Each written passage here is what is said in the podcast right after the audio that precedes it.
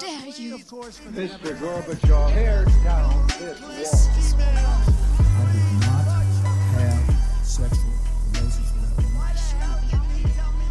Read my lips. Hell yes, we're gonna take your AR-15. It's your waiting AK. out. I have a dream. Det er en, eh, det er en ny uke her i SOS podkast. Det vil si uken, eh, uka går jo mot slutten. Men det er en ny uke og stadig nye avsløringer eller eh, diskusjoner, nyheter, om, eh, om denne Jeg tror ikke vi skal kalle det en slags tillitskrise, men det er i hvert fall en, eh, en slags trend som vi har pekt på her i podkasten. Harald, vi skrev jo en, en kronikk eh, i forrige uke, i starten av eh, februar, vel.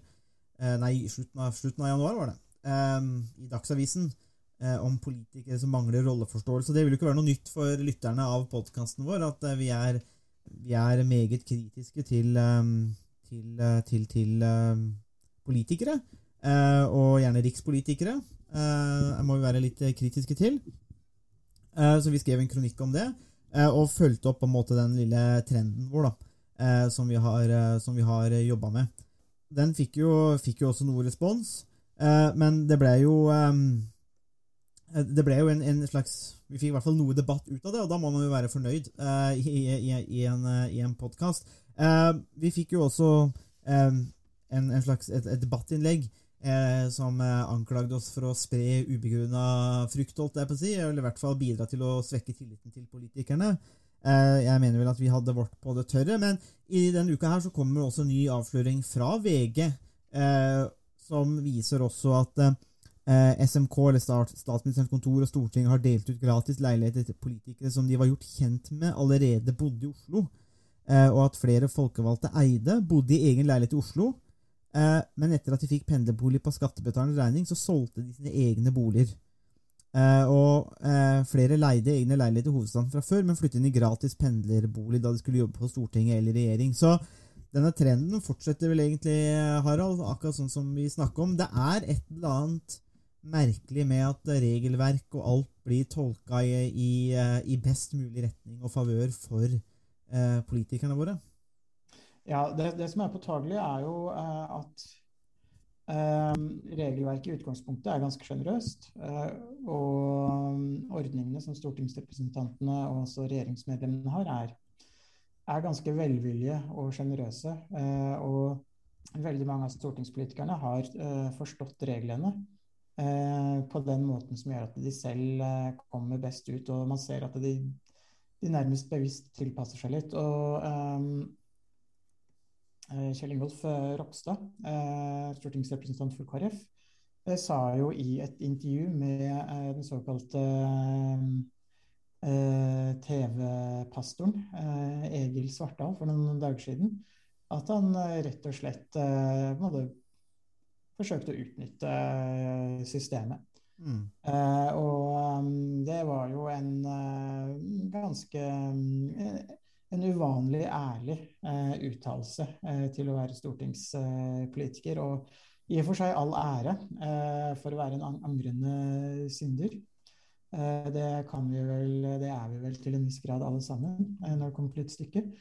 men i hvert fall når det gjelder stortingspolitikerne, så er det jo et litt er det litt mer komplisert uh, når det er nærmest virker som man systematisk uh, har klart å tolke regelverket til sin fordel. og det her er jo, som vi var inne på i, i kronikken vår i Dagsavisen, så er jo det her del av et mye større mønster også. Mm. det har jo vært to tiltaler og dommer av stortingsrepresentanter som har misbrukt ordningen med reiseregninger.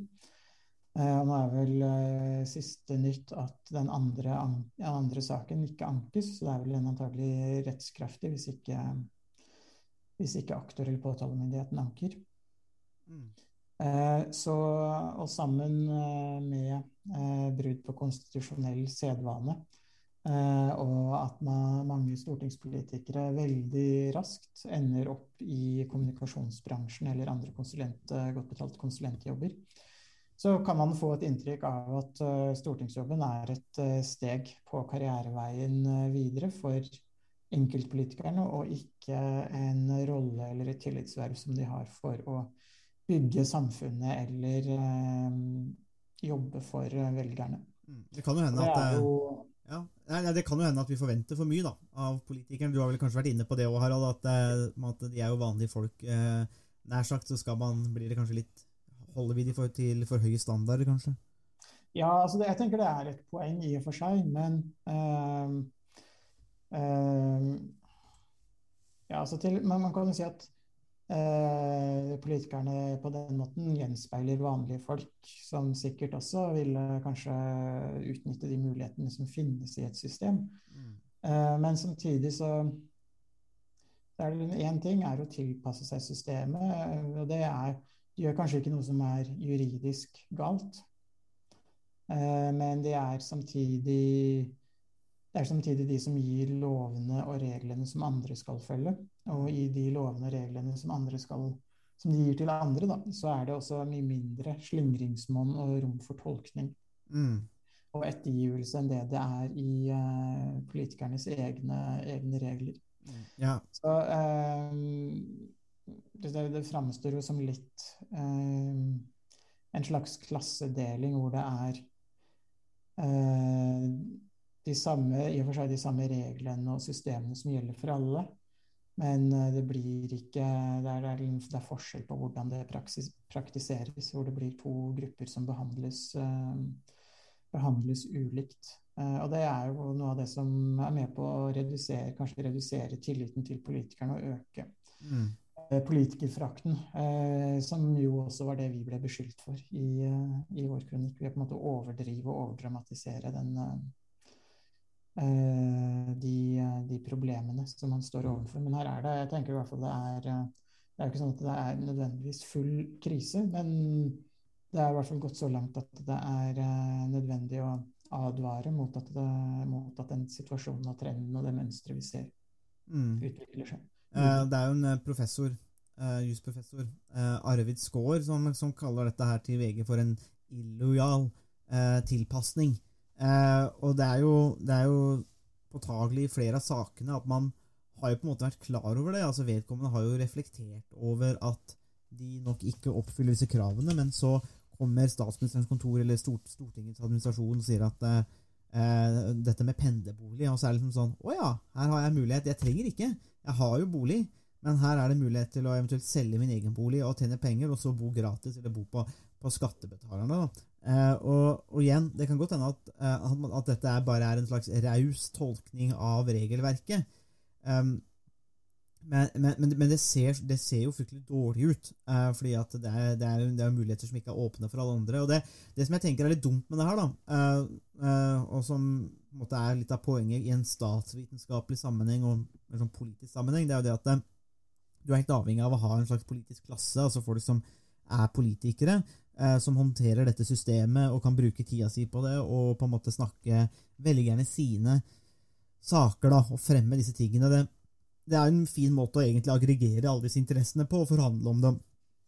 Og løse disse problemene eller løse disse utfordringene og politiske konfliktene. Så sånn sett så er det jo på en måte et bra system. Men, men jeg tror kanskje det vi var ute etter, eh, og har pekt på i podkasten og kronikken, det er det at det, det er mulig at dette på en måte liksom litt i det stille, da, under radaren, så, så, så foregår en slags underminering av, av disse, den tilliten og det, den, måte, litt den derre ja, den tilliten man er nødt til å ha da, til disse politikerne. fordi at eh, alle forstår at eh, politikerne må ha noen bedre ordninger og tjene relativt godt. fordi at eh, du, Det kunne vært at eh, du går fra en hvilken som helst jobb, men har et kall om å være folkerepresentant. Og mange har jo det. De føler det som et kall, og de vil, eh, de vil fremme velgerne eller regionens interesser og sånn. og Det er det mange som oppriktig har. og Da er det klart at da er det kanskje det er friskt, og da skulle jeg f.eks. forlate jobb og hjemsted og region og nettverk for å jobbe på Stortinget.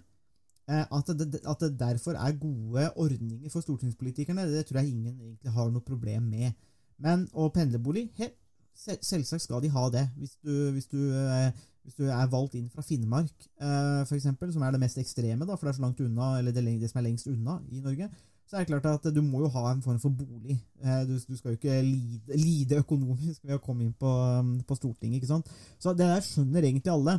Eh, Men så er det, og, og også det der, og jeg tror de fleste også skjønner, at har du da vært på Stortinget i flere år, f.eks., to perioder, tre perioder, det er ikke nødvendigvis lett å komme tilbake til det yrket du var en del av, for da har utviklingen gått fire-åtte år framover, eh, mens du har sittet på sidelinja. Det blir jo litt som oss, eh, Harald, at vi måte ikke jobba med noe akademisk stoff på, på åtte år. og det, Da kommer man tilbake, og da er man rusten og kanskje ikke like god akademiker som man var. og må i hvert fall bruke mye tid da, eh, på å hente seg inn igjen. Så det, det tror jeg også folk skjønner. At, at, mange av de vil også bruke sin kompetanse til kommunikasjonsbyråer og sånn. Det, det, er egentlig ikke noe problem. Men det var jo her det der debattinnlegget kanskje da spora litt av i det tilsvaret til oss. Eh, fordi at da ble dette vendt opp mot at vi plutselig mente at politikerne ikke skulle få lov til å gjøre noe som helst. De skulle bare være politikere og så sitte på ræva egentlig etterpå og være takknemlig. Men det er jo ikke det vi egentlig prøver å legge måtte rette fokuset mot. Da. Det er mer denne det er, det er mer den derre tilliten. fordi at, eh, og jeg, jeg, tror Det som kanskje var litt sånn irriterende Det var et par ting som irriterte meg med det der eh, debattinnlegget. De som er interesserte, kan jo gå og lese det i Rogalands Avis. Eh, men det ene var litt den der bagatelliseringen av dette med tillitsspørsmålet.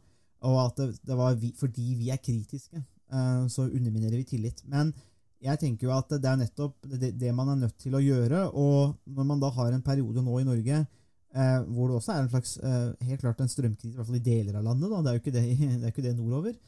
Men i deler av landet. Men så har man disse sakene som du nevnte. Kjell Ingolf Ropstad. Eh, og du har de andre politikerne. Og så får du det derre lasset med politikere. Det er mange som er så i gråsone, og som helt klart utnytter systemet som på en måte vi betaler skatt til. da. Og da, da, da, må det være rimelig å, si, å, å slå alarm og si at hm, her er det et eller annet som ikke stemmer. Og når du da ser at de øker lønna si nå for det er jo fint, du kan jo bare vedta lønnsøkning eh, på en måte. det, jo, De må jo følge lønnsøkningen for så vidt, de òg, men nå tjener de også over, over 1 million. Og i sum så blir jo det her senest veldig dårlig ut. Så jeg tror det der men det er kanskje vanskelig noen ganger å få tak i det der overordna spørsmålet om tillit, for det er litt sånn litt kjedelig. Eh, og det er ikke så håndfast, og det er ikke sånn, er ikke sånn som strøm. da. Men eh, jeg tror politikerne skal vokte seg vel for å på en måte fortsette i den trenden her. da. Fordi at eh, jeg tror det kan føre til en økende politisk apati. og Det tror jeg ingen er tjent med. da. Ja, Man så jo også i stortingsvalget i, i fjor høst at det var en liten nedgang i valgdeltakelsen. Eh, det var ikke en veldig stor eh, nedgang, så man skal ikke legge altfor mye vekt på, på eh, valgdeltakelsen i, i, kun ett et uh, enkelt valg. Men eh, det her er jo også et bilde man, man ser eh, internasjonalt også. Både med fallende valgdeltakelse og økende mistillit til, til politikerne. Og hvis jeg husker riktig nå, så er det vel noe sånt som 12% av amerikanske velgere som har tillit til politikerne i uh, Kongressen. Mm.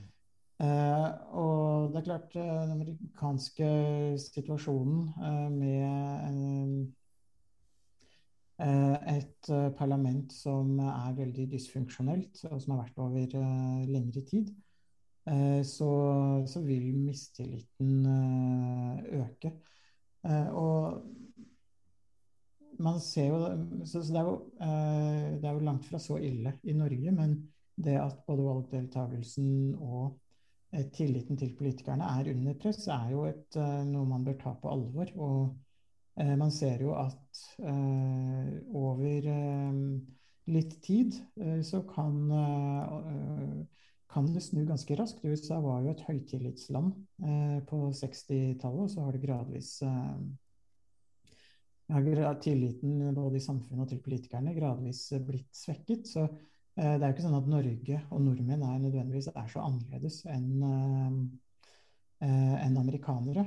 Vår tillit til politikerne kan også svekkes. Mm. og mange har jo også sagt det samme i forbindelse med utnevnelsen av Jens Stoltenberg som ny sentralbanksjef også. Mm. Eh, og det, det, er jo et stort spørsmål, jeg vet ikke om vi skal ta hele den diskusjonen i dag. Men eh, det er mange som har stilt spørsmål eh, ved den ansettelsen, ansettelsen, også gode, kritiske spørsmål, eh, som ikke nødvendigvis har blitt godt besvart eh, så langt. Eh, så, så, her er det liksom Ved alle de anledningene og alle de situasjonene som oppstår, så virker det som at politikerne til en viss grad eh, ta, inntar standpunkt som er eh, vanskelig å forstå for mange eh, vanlige velgere. Eh, og I går så var det også den saken med en ny havvindsatsing og eh, som, som altså mange stiller spørsmålstegn ved i den situasjonen som vi er nå med strømkrise, om man skal ha såkalte hybridkabler eller ikke, og hvor mange politikere eh, inntar standpunkter som f.eks. Eh, hvor de støtter elektrifisering av eh, norsk eh, oljeutvinning eller eh, olje, og gassutvinning. Og det er jo også et standpunkt som det er vanskelig for mange velgere å forstå hvorfor man velger å bruke vannressursene på, på den type Hvor man velger å prioritere det fremfor å ha et kraftoverskudd i, i Norge. Og det, nå kan det jo hende at det er gode svar på mange av de spørsmålene. Eh, men eh, det er et problem når det ikke blir kommunisert på en måte eh, som velgerne forstår, eller at velgerne kan se hva som er argumentene for de, de enkelte standpunktene. Så det er en avstand både når det gjelder å utnytte ordningene og systemet rundt politikken, men også når det gjelder formidlingen av, av politikken og den forståelsen politikerne viser for vanlige folk sin, eh, sin, hverdag. Og det er jo kanskje ekstra prekært nå som vi har en regjering som uh, har gått til valg på at det er vanlige folk sin tur. Mm. Ja, helt klart. Det er uh, ja, nei, du, du jo, kan, Man kan jo bli litt oppgitt uh, når man ser det her. Og det er jo ikke det at man skal synke ned i et sånn nihilistisk høl og grave seg ned. og være sinna på alt og konspiratorisk og sinna på staten og alt mulig sånn. Men det er innafor eh, det vi snakker om nå, da, så er det uansett Jeg vil si at det er uansett grunn til å, til å, å rydde skikkelig opp, fordi at uh, man ser uansett en trend, en slags kultur, um, som ikke nødvendigvis er ondskapsfull. Det tror jeg ikke, men, men, man ser at det er en villighet til å utnytte systemet til sin fordel. Uh, kanskje det man også på en, til en viss grad kanskje kan kjøre inn under innunder dette rational choice-begrepet og, og, og, lensa med, eller perspektivet da, med rent-seeking og liksom, tilkaringsvirksomhet. altså man, man, eh, man, man, gjør en del ting, skjuler seg bak mye informasjon og avansert, eller store institusjoner osv., og, så videre, og, så handler det i bunn og grunn om å, om å karre til seg eh, på en måte. og det, det er jo, dette, dette, er jo en kjent eh, innsikt, da, i hvert fall i den økonomiske skolen som heter, vi kaller rational choice. og eh, Jeg har jo alltid tenkt at Uh, det her rational choice er sterkest. Nettopp dette, denne innsikten ved at man i byråkratier eller politikere eller store organisasjoner f.eks. Eh, har en tendens da, til, å, til å gjøre ting som gagner en selv, og hvor man tjener på det og kommer bedre ut av det individuelt. Fordi det er på en måte rasjonelt for en selv, men kanskje ikke for organisasjonen. men Eh, det som, blir, det som blir, kan bli en negativ konsekvens, da, eh, tenker jeg, i det politiske systemet, er jo nettopp det at eh, tilliten svekkes, og man får en slags apati. Folk blir uinteresserte, og, så, og da, da, visner på en måte demokratiet òg. og det eneste vi da blir stående igjen med, er jo disse demokratibonanzaene våre på 17. mai hvor vi, hvor vi feirer da, med, eh, dette 17. mai og demokratiet vårt, og så snakker vi om det. Men, det. men, på en måte, da, hvis man ikke er forsiktig, så blir også det et slags dødt dogme. da, enn Bare en slags eh, monument til fortida eh, når det kommer til eh, dette med demokratiet. Eh, for jo, dem, demokratiet må jo leves og handles, og ikke, ikke bare snakkes om. det. Så der, der, tenker jeg det er et lite problem, da. Ja, og så er det altså, Politikk og demokratiet er jo i utgangspunktet basert på politisk uenighet og konflikter. Eh, og hvis eh, konfliktene og spørsmålene som politikerne er opptatt av, ikke er de konfliktene og politiske spørsmålene, og sakene som velgerne er opptatt av, mm. så får man en ganske sånn tydelig eh, avkobling. Eh, eller hvor velgerne opp, opplever at politikerne ikke er opptatt av de sakene som de, de er opptatt av. Uh, og det vil også være alvorlig, uh, fordi da vil politikerne løse problemer som velgerne egentlig ikke helt uh, Som ikke er de problemene som velgerne ønsker at de skal, skal løse eller, eller, jobbe med. Mm. og da vil man, vil man, rett og slett øke den politikerforakten som man ser til, tendenser til. og da, er det ikke, da klarer ikke demokratiet å få frem de konfliktene og de politiske uenighetene som, eh, som er viktige uh, i, uh, i, samfunnet. Mm. og det som er litt interessant, er jo også at det politiske, politiske systemet kan på en måte fungere ganske godt. Uh, uten stor involvering av, eh, eller fra velgerne. Fordi systemet og institusjonene kan uh, fortsette å, å fungere, uh, selv om de ikke lø nødvendigvis løser de problemene som velgerne syns er viktigst. Um, og system, det politiske systemet og demokratiet i Norge kan antagelig fungere med ganske lav valgdeltakelse og interesse fra, fra befolkningen før det eventuelt kollapser og blir og, og, for, og, forvitrer fullstendig. Mm. Men problemet med og, og noe av grunnen til det er jo nettopp fordi at de politiske partiene i dag trenger ikke nødvendigvis alle velgerne for å få flertall, eller for å, å kunne skape styringsdyktige eh, koalisjoner.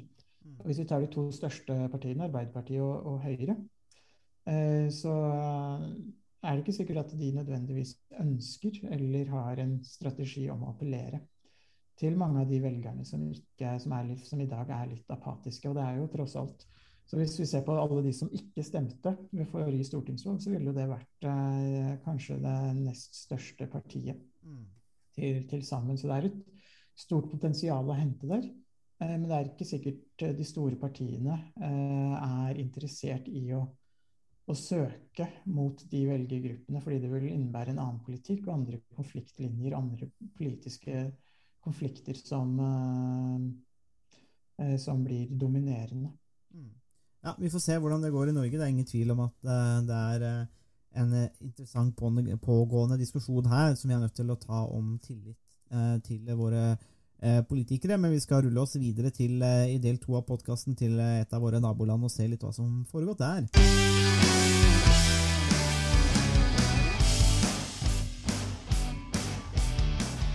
Ja da, fordi det er jo rock'n'roll, mildt sagt i, i Storbritannia. Eh, vårt, vårt, kjære naboland, som, eh, som, har tatt noen store avgjørelser i de siste årene. Eh, ikke minst dette å forlate EU. Eh, I og for seg greit, det. Men eh, det har jo ført med seg, eller bidratt til kanskje, et salig politisk kaos. Um, som først ble ledet av Teresa May.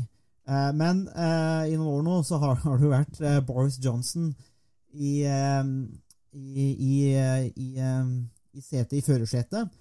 Og der er, det, der er, det, mye rart, eh, Harald, for en som, eh, en som er veldig glad i Storbritannia og politikk og britisk filosofi. Det er, det er, det er, det er noen hakk forbi det vi ser i Norge. Uh, uten tvil. Uh, og uh, mange kommentatorer i England de stiller ikke spørsmålet om Boris Johnson eh, vil overleve, men mer hvor lenge han har igjen før han uh, må gå av. Uh, og um, han har egentlig vært utsatt for uh, den ene skandalen eller etter den andre. Eller det er kanskje det er ikke helt riktig å si at han har blitt utsatt for den ene skandalen etter den andre. Han har skapt den ene skandalen etter, etter den andre. Og det som er ganske slående, er at Altså de, de, aller fleste regjeringer vil oppleve skandaler og kriser og vanske, veldig vanskelige situasjoner. Uh, men det som er spesielt med uh, situasjonen som Boris uh, Johnson står oppi, er at hele den situasjonen er selvpåført. det er rett og slett skader og smerter som er selvpåført. Mm. noe av det alvorligste er Eh, at eh, det gjennom perioden med pandemi og nedstengninger, eh, hvor det var veldig mye strengere reguleringer på hvor mange som kunne samles samtidig det i England enn det det var i, i Norge f.eks. så var det full fest i eh, Downing Street nummer ti, eh, hvor det var en rekke eh, fester som eh, ble eh, sanksjonert eh, av eh, Johnson, eller hvor han også var deltaker. Eh, og det har det kommet mye kritikk om, med rette. Og statsministerens kontor er også under politietterforskning. Eh, og for ikke lenge siden så kom det også en, en knusende rapport som omtalte mange av de, de festene. Eh, Det som er litt spesielt med den eh, rapporten, som eh, ble skrevet av en av de de mest erfarne og mest betrodde departementsansatte eller departementsrådene i, England, er nettopp det at mange av de mest mange av de sterkeste konklusjonene faktisk var tatt bort fra, fra rapporten fordi eh, eh, de samme hendelsene var under politietterforskning. Det er ganske friskt. Det, det er veldig, veldig friskt. Og i, eh, for å toppe det hele, eh, så eh, sa eh, Boris Johnson eh, i diskusjonen i parlamentet, eh, da han ble konfrontert med anklagene, eh, at opposisjonslederen, eh, Keir Stamer, som, har vært, eh, som tidligere var eh, statsadvokat, eller riks, eh, kanskje nærmere det som vi kaller riksadvokat i, i Norge, som var den øverste påtaleansvarlige i England. Eh, hvor Johnson anklagde eh, Keir Starmer, Stammer, for ikke å eh, tiltale en kjent britisk overgriper, pedofil, Jimmy Savile. Noe som var eh, langt utenfor det som, eh, som eh, man kan og bør si i parlamentet. og som også var faktisk feil, fordi det var langt utenfor Keir Starmers ansvarsområde. Eh, og det fikk jo også etterspill. Veldig mange av Johnsons sine medarbeidere, nærmeste betrodde rådgiveren, som har vært rådgiver for Johnson helt siden han var eh, ordfører i, eh, i London. Eh, hun sa opp dagen etterpå. Og i tillegg så ble Care Starmer utsatt for rasende, rasende mobb da han skulle forlate parlamentet mm. kort tid etterpå. Eh, hvor han da ble beskyldt av, mobben for eh, ikke å stoppe pedofili og seksuelle overgripere. Så, det, så det er veldig dramatisk. eh, og man kan si at kanskje Johnson har skapt en ny krise, hvor den nye krisen eh, gjennom de utsagnene kom om Keir Starmer, på en måte er en, det er en måte å fjerne oppmerksomheten fra den første krisen på. Men det er, der er jo et, eh, et eksempel på en statsminister som nå står komplett uten tillit, både blant egne politikere i det konservative partiet, eh, og også opposisjonen, eh, og også befolkningen eh, generelt. Eh, og Labour, Arbeiderpartiet, eller opposisjonen, eh, leder nå på meningsmålingene med rundt eh, 12, eh, 12 hvis jeg husker riktig. Så det er jo egentlig en sak som, som passer inn i det samme bildet som vi har sett i Norge, bare hvor det er man på kan multiplisere tillitskrisen med i hvert fall ti. Ja, det, er, altså, det er jo noe som er det, det, som, det som slår meg, i hvert fall når jeg ser disse nyhetssakene, og du ser eh, Jeg holdt på å si Trump, men Johnson, men de minner litt om hverandre. fordi at eh, de har begge den altså Boris Johnson er jo fantastisk artikulert eh, og godt utdanna og sånn, men det virker som at det, det politiske er på en måte mer slags spill, en slags bigeskjeft han bare gjør for moro skyld, og så kan du på en måte bare gå inn i det britiske parlamentet, også fordi at du møter hard motbør på saklig grunnlag, um, så er det bare å slenge ut at å ja, nei, men Keir Starmer han, eh, han var sjef, og de etterforska ikke eh, Jimmy Savile, som, eh, som i ettertid ble kjent som en um, notorisk pedofil kriminell. Uh, og, og da er det bare å slenge ut det. Altså, I en saklig diskusjon som bare går på brudd av regler, det går egentlig på veldig faktabaserte ting. Har man brutt, har man, har man brutt en regel eller en lov eller ikke? Eh, da er liksom Forsvaret å, å komme med antydninger om at en Labour-politiker har, har forsvart eller unnlatt da, å, eh, å gå etter en pedofil. Og som du sier, da, det alvorlige her er jo det at eh, dette med, dette med dette pedofilien det er jo noe som eh, har slått veldig rot i ytre høyre.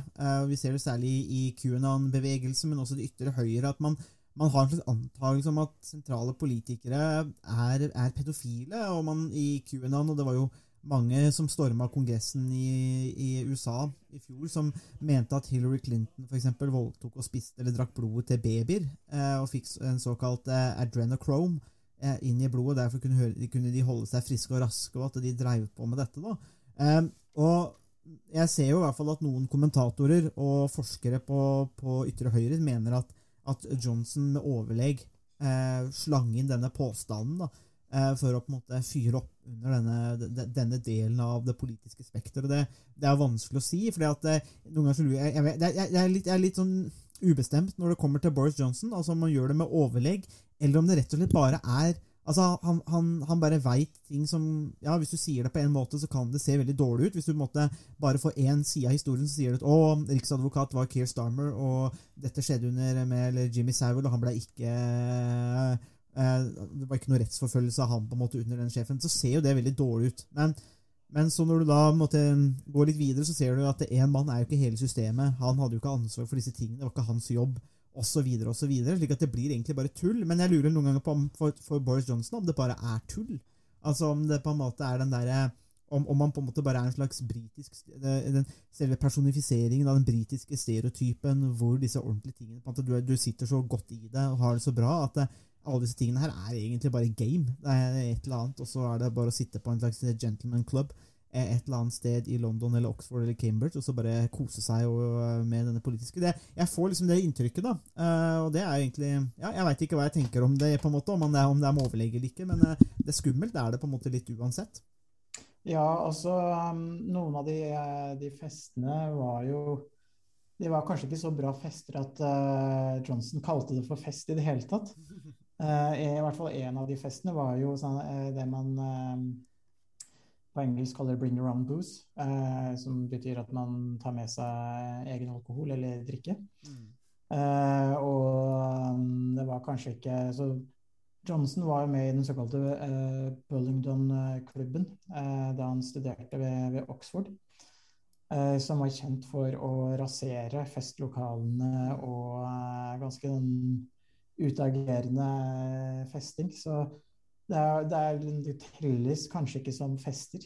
Som, men, nå, men nå er istedenfor måte ved universitetet, så er jo festlokalet er jo Storbritannia. Ja, måte, det, alt er en stor fest, og så kan du på en måte rasere unionen. At, og det er jo, det må jo Kreditt må gis for Boris for å måtte ha tatt det til neste nivå. Det må, det, der skal kreditt gis. Uten tvil. Så det, ser jo egentlig ut som alt er bare en, eh, et spill og en lek.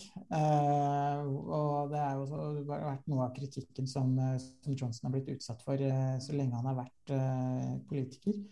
Eh, rett og slett det at han, eh, han tar det som en vits. Alt er som en vits, og han tar det ikke seriøst. Og han er ikke Han er bare politiker pga. oppmerksomheten og den altså den oppmerksomheten man får som politiker. Og Eh, at han kan være en som, eh, som er med på å, å, styre og få oppmerksomhet, uten at han egentlig tar det seriøst i det hele tatt. Mm. Og så tror jeg at eh, noe av problemet kanskje er det at det her er jo Storbritannia med sin helt unike historie og sammenheng som ikke er direkte overførbart til Norge, men jeg tror, som du sier, da, altså man ser noen paralleller. Man kan trekke noen linjer, og det kan man også fordi at vi lever i en globalisert verden Eh, vi leser disse inntrykkene, og vi, du, du, påvirkes jo av det òg. Eh, og jeg tror ikke at norske politikere er der, altså. Det er jo langt dit. Men, men, men jeg tenker jo likevel at, eh, at det, Storbritannia nå er et slags eksempel på hvordan det også kan gå. Når, fordi uh, dette er jo på en måte en slags kulminasjon av det vi ser nå, altså hvor man bare gir blaffen i lover og regler i en tid hvor det er en pandemi, altså det er det mest seriøse du har stått opp i siden andre verdenskrig. eh, og det du klarer. Og det, det, det som er så rart, fordi at det, for alle andre, for oss inkludert, men, eh, men, men for de fleste innbyggerne i London, sånn, eh, eller i England og Storbritannia og Wales, ikke minst eh, Folk fikk jo li- livene sine på en måte ikke, ikke, ikke ødelagt, men det kom et brudd inn i virkeligheten. altså De kunne ikke lenger feire bursdagsselskaper, bryllup, eh, begravelser. Eh, var jo veldig vanskelig å få til. Eh, eh, Sjuke mennesker har dødd på, på sjukehus eh, uten familie til stede. Man har bare liksom eh, Og så er det liksom sånn at så går man da til Downing Street nummer ti, og så er det sånn faen, det er en pandemi. Men vi hadde jo planlagt en fest. Så da kan ikke det, det, som, det som shit. Vi kan ikke la det stoppe oss, for vi hadde jo planlagt den festen nå i to uker. Så da må jo vi få lov til å drive på. Mens utafor så er det nedstengt. Og det er liksom Akkurat der, der så kommer på en måte de to realitetene i sterk kontrast, syns jeg, da, i en, i en sånn veldig trist setting. Og det er sånn Ja, du kan le av Boris, og du kan gjøre mye rart, og det er til Jeg skjønner ikke at han sitter fortsatt. Eh, og eh, vil ikke unnskylde uh, uttalelsen om Keir Starmer. Han kunne jo egentlig bare sagt at ja, ok, det er, jeg, der ble jeg litt uh, hot-headed, og det gikk litt for fort for meg, og det beklager jeg, liksom. Men nei da, for det er jo et nederlag, det òg. Um, så ja, jeg veit ikke. Det er, det er, et eller annet i Storbritannia. Det spørs om vi kommer til å ha en podkast om Boris Johnsons uh, tid når den er over, som, uh, som, som, statsminister kanskje ganske snart. Men så er han vel sikkert da i stand til å selge sin kompetanse i, i The City. Det er vel sikkert noen selskaper som er interessert i å hyre Boris uh, for å drive noe arbeid. Han vil nok få tilbake, kanskje gå tilbake til journalistikken, hvor han begynte sin karriere. og han holder jo også på med en bok om uh, Winston Churchill, som er hans store forbilde. Mm. Så vil, han vil utvilsomt være en som fortsatt vil være i, i rampelyset, som det, som, det, heter. Og han vil kanskje også ende opp på britenes uh, versjon av uh, Robinson. hvor faren hans faktisk var deltaker for noen få år siden. Så det kan fort bli en familie, kanskje en familietradisjon. Det kan kanskje en sånn double trouble, at de er der Nei, det, det, får vi jo se på. Vi kommer sikkert til å følge opp saken, men det var i hvert fall uh, de to tingene vi tenkte å snakke om i, i ukas uh, episode. Vi kommer sikkert tilbake til dette. Vi skal ikke plage lytterne kanskje våre altfor mye med dette med politisk tillit, men uh, jeg kan vel kanskje bare understreke helt til slutt at det er veldig fascinerende, for tillit er jo et konsept eller et begrep. altså på en måte abstrakt òg, som vi forsøker å konkretisere. og Det er kanskje litt vanskelig å si hva det er man prøver å konkretisere noen ganger.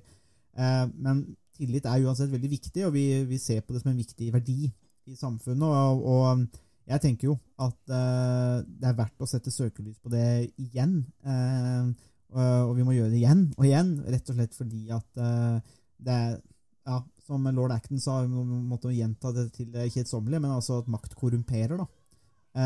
men det betyr jo egentlig bare at makt har en slags det, har, det, gjør et eller annet med folk, da, og det skal vi ta på alvor og sørge for at institusjonene våre er rigga til å håndtere det. og Det er vel kanskje det vi ser litt nå på, på med dette med Stortinget, at uh, institusjonen er kun så god som menneskene på en måte som lager eller etterf etterfølger det som er der òg. Og der har man kanskje sett at disse institusjonene har begynt å svikte litt, og at det har vært mulig å på en måte utnytte og, og vri det til egen fortjeneste. og Det skal vi ta på største alvor. Men det var i hvert fall um, ukas uh, episode. To, to, to, litt forskjellige verdener om politisk tillit. Så får vi se hva vi kommer tilbake til seinere.